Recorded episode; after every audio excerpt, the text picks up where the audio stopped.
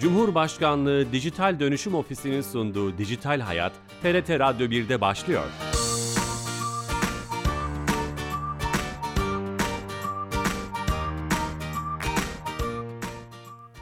Herkese merhaba, ben Bilal Eren. Teknoloji ve dijitalleşmenin hayatlarımızı etkiden ele aldığımız Dijital Hayat programımıza hoş geldiniz. Her cuma saat 15.30'da TRT İstanbul Radyo stüdyolarından kulaklarınıza misafir olmaya devam ediyoruz her hafta olduğu gibi.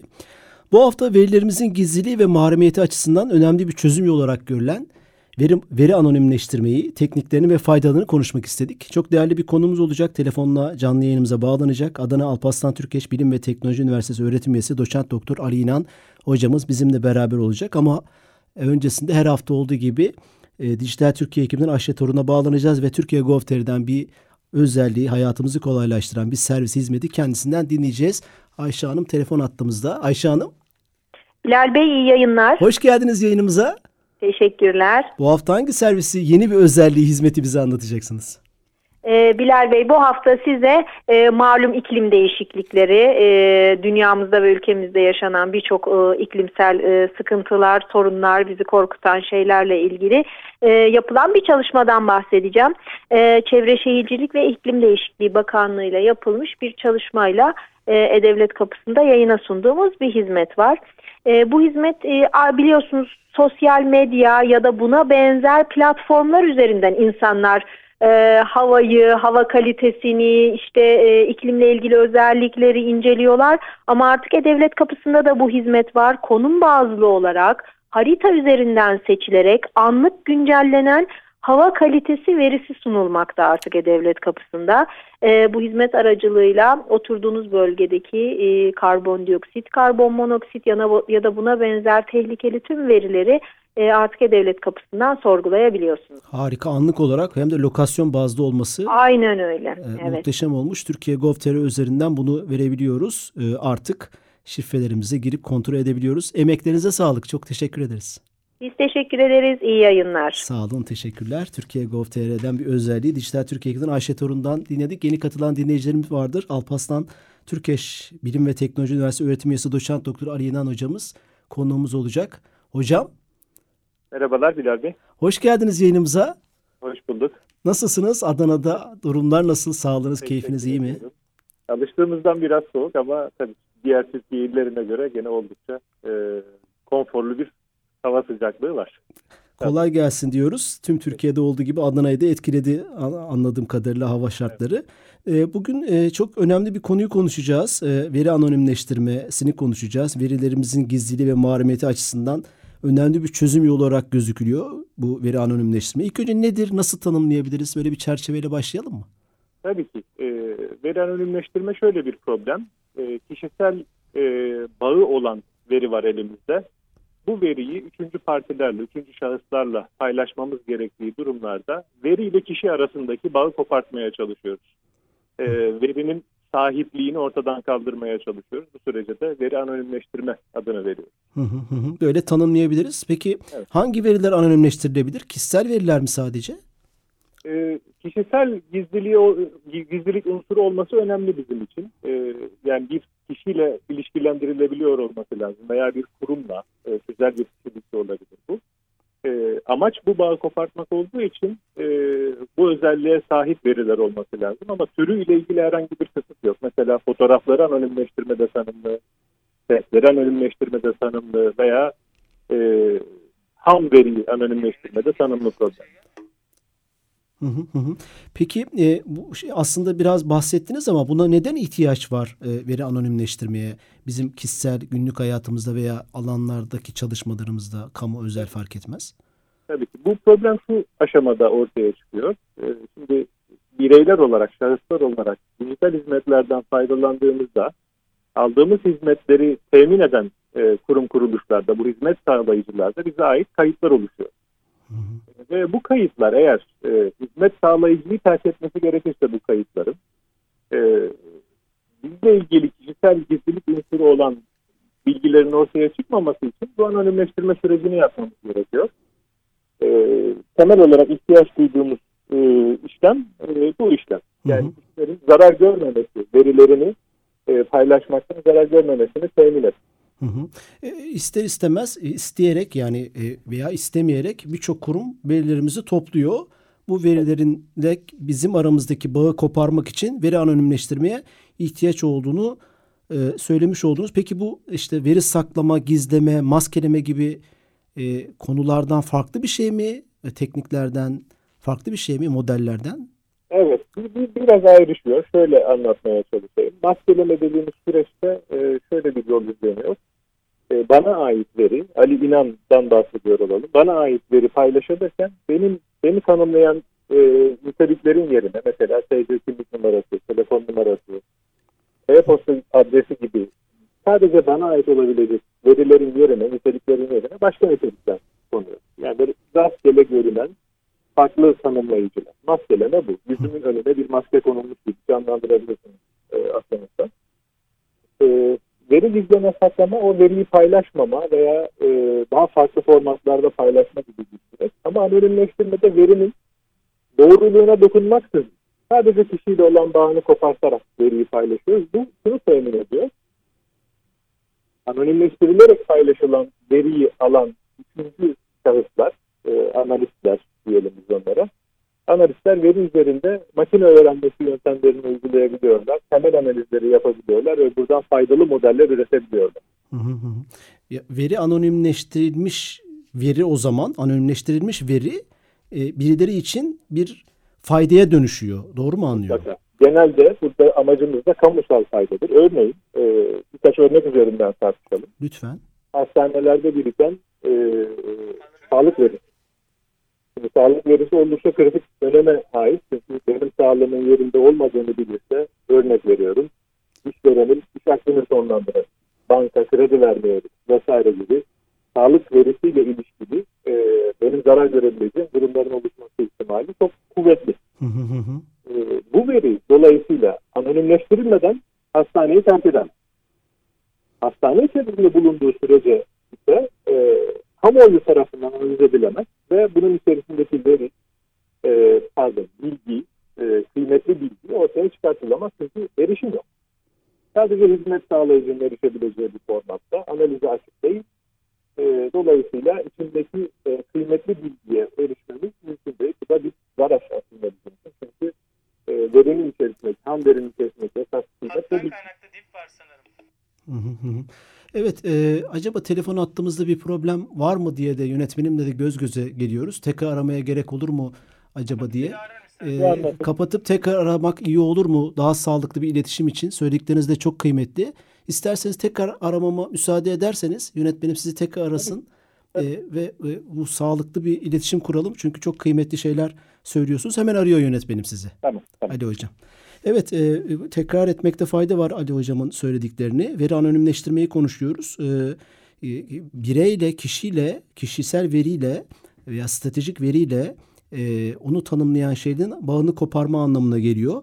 Veri saklama, gizleme ve maskelemeden farklarını da aslında güzelce söylemiş oldu. Veri anonimleştirilmeye tabi tutulan e, kişisel veriler daha sonra e, analizler için veya kamunun faydası için kullanılabiliyor. E, bunun için çok gerekli. E, dolayısıyla bu anlamda e, bizim için çok kıymetli olmuş oluyor. Adana Alparslan Türkeş Bilim ve Teknoloji Üniversitesi öğretim üyesi doçent doktor Ali İnan hocamızla beraberiz. Kendisiyle veri anonimleştirmenin faydalarını e, konuşmaya çalışıyoruz. Tekniklerini konuşmaya çalışıyoruz.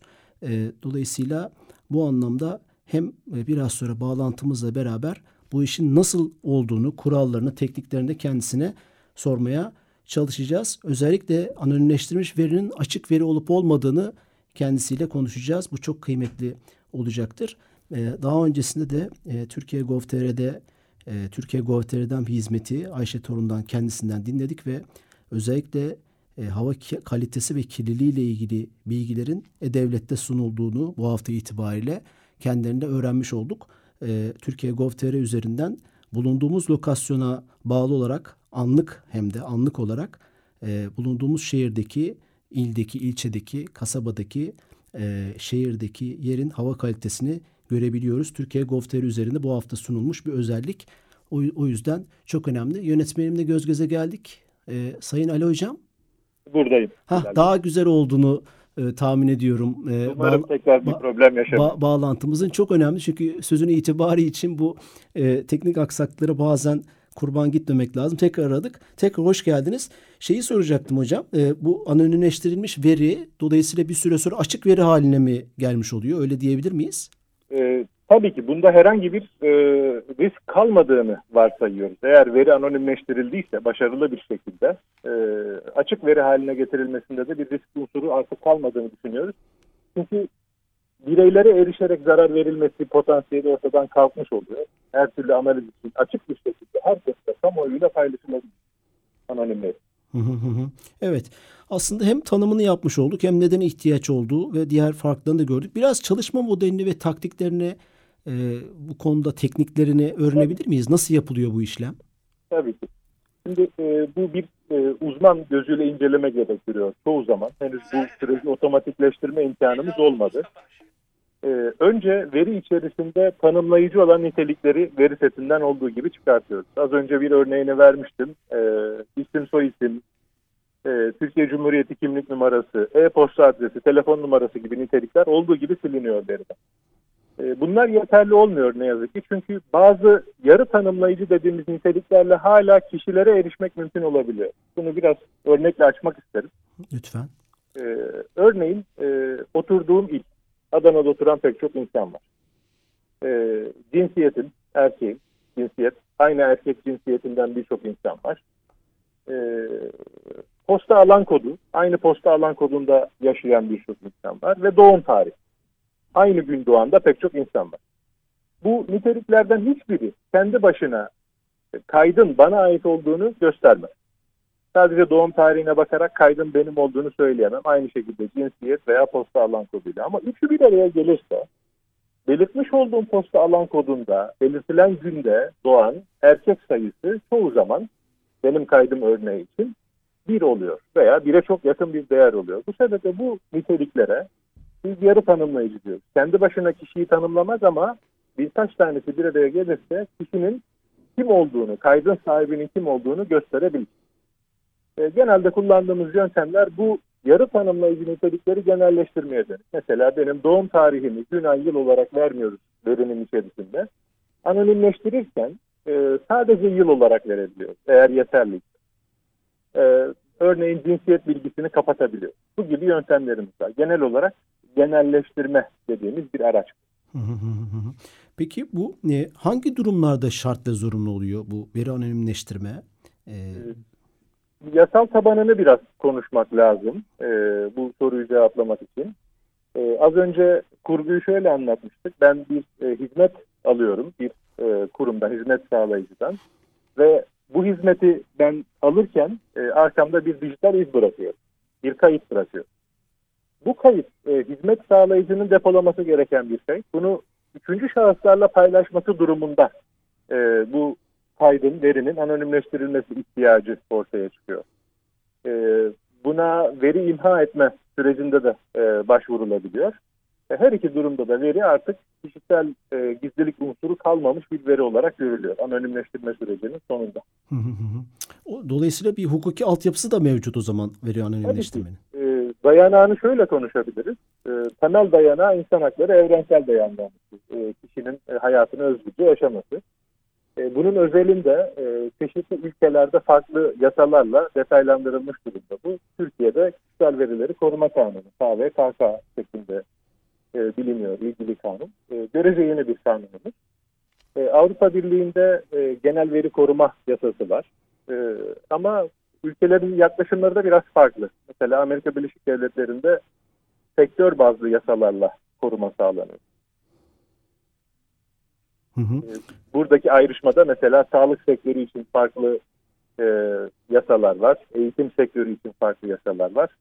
Dolayısıyla biraz daha detaylı bir e, gereksinim listesi sunulabiliyor yasada. Bizim ülkemizde KVKK içinde veri anonimleştirme bir standart olarak hukuki altyapısı hazırlanmış olarak evet. var dolayısıyla öyle anlıyorum. Evet, evet orada teknik olarak da detayları sunuluyor. E, veri imha aşaması içerisinde e, geçen bir süreç.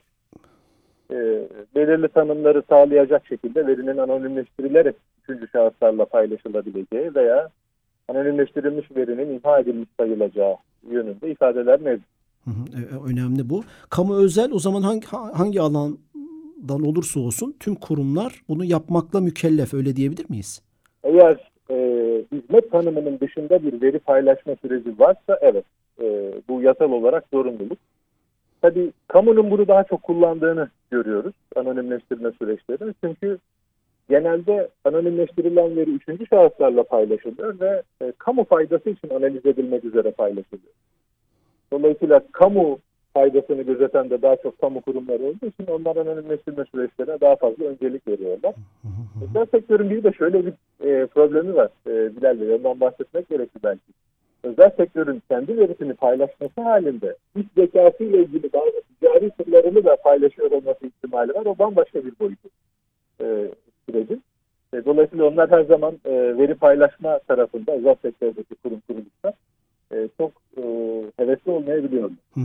Peki bunun bir yaptırımı var mı? Hani veya kontrol mekanizması var mı kurum KVKK tarafından hem kamu hem özel yapmayanlar şu cezayı alır veya yapıp yapmadıklarını kontrol etme mekanizması veya sadece şikayet bazlı mı? Nasıl ilerliyor süreç? E, bildiğim kadarıyla şikayet bazlı ilerliyor veya e, bunun e, ortaya çıkartılması halinde e, oldukça e, büyük boyutlu cezalara e, gidebiliyor süreç. E, ve zannediyorum ihlallerin sayısı arttıkça da ceza oranları e, yükselerek e, uygulanıyor. E, oldukça caydırıcı olduğunu söyleyebiliriz söyleyebiliriz. Ama anladığım kadarıyla sadece Türkiye'de değil tüm dünyada da bunu kontrol etmek kolay bir şey de değil herhalde böyle bir mekanizmayı.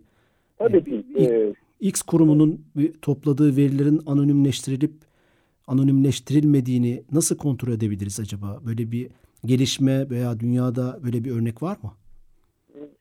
Şöyle ele almaya çalışalım. Ee, bana bir veri seti verildiğinde bu veri setinin belirli bir anonimlik tanımını sağlayıp sağlamadığını söylemek çok kolay. Ama e, üçüncü şahıslarla paylaşılan verinin hangi veri seti olduğunu söylemek çok zor. Yani açığa çıkan kuzen veriyi tespit etmek çok kolay değil. E, burası problem. Yani e, hangi bilgi dışarı, dışarıya çıktı, kurumu terk etti onu tespit etmek problemli. Buradan bakınca da aslında şunu ifade etmekte fayda var. Problem kendi başına e, veri anonimleştirme ile ilgili bir problem değil, bir güvenlik unsuru da var. Tabii. E, sızıntıları da engellemek gerekiyor. Yani e, hackerlar diye bahsediyoruz. E, kuruma kurumda var olan veriye kimin hangi şartlar altında eriştiğini de güvenlik politikalarıyla kontrol etmek gerekiyor.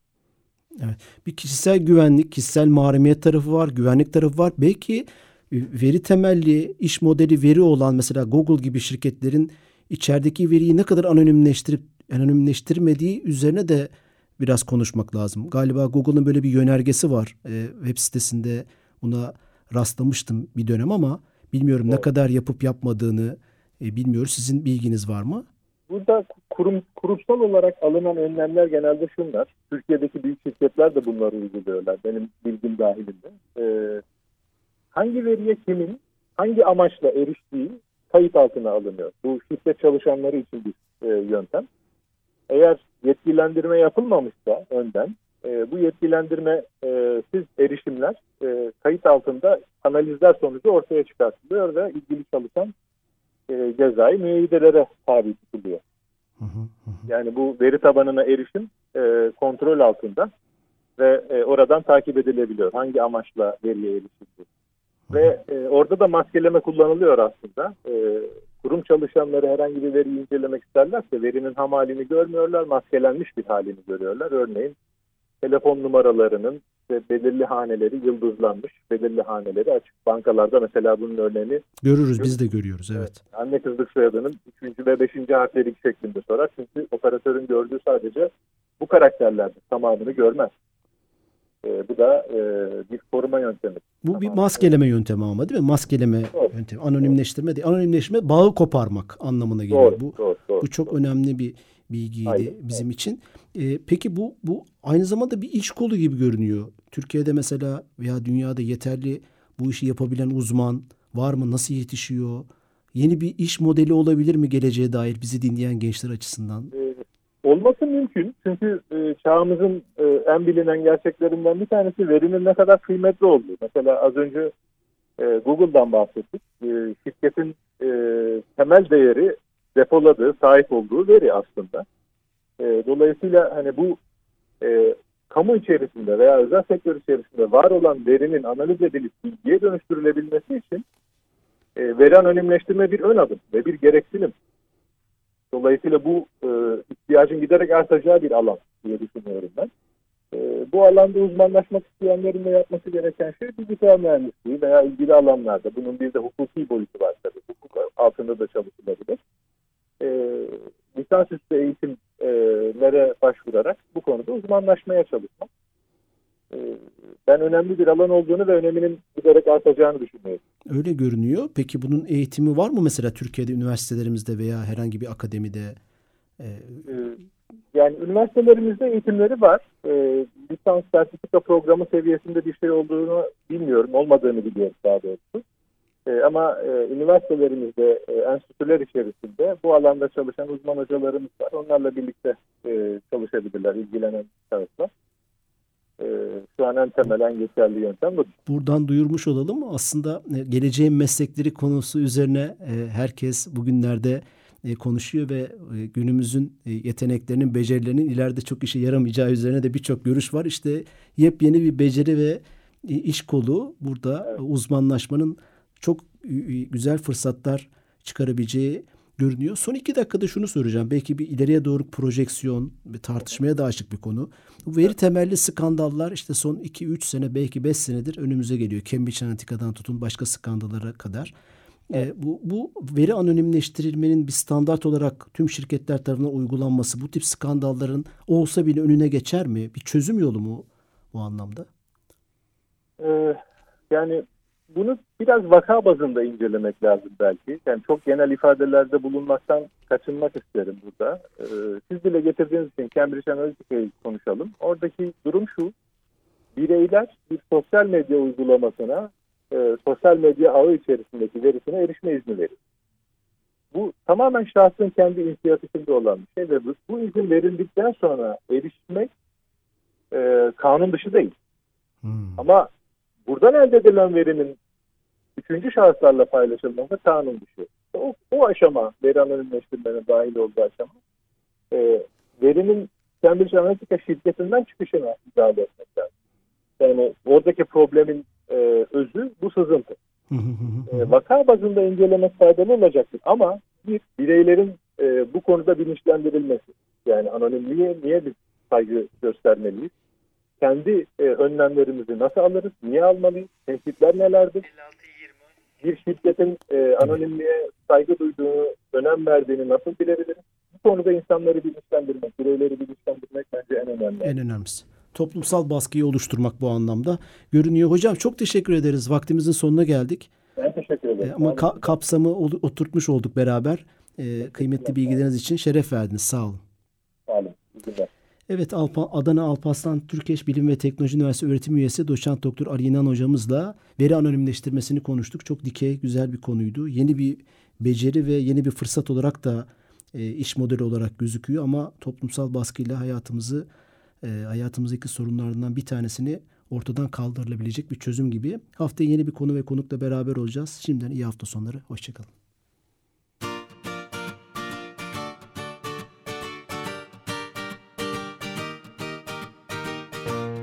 Cumhurbaşkanlığı Dijital Dönüşüm Ofisi'nin sunduğu Dijital Hayat, TRT Radyo 1'de sona erdi.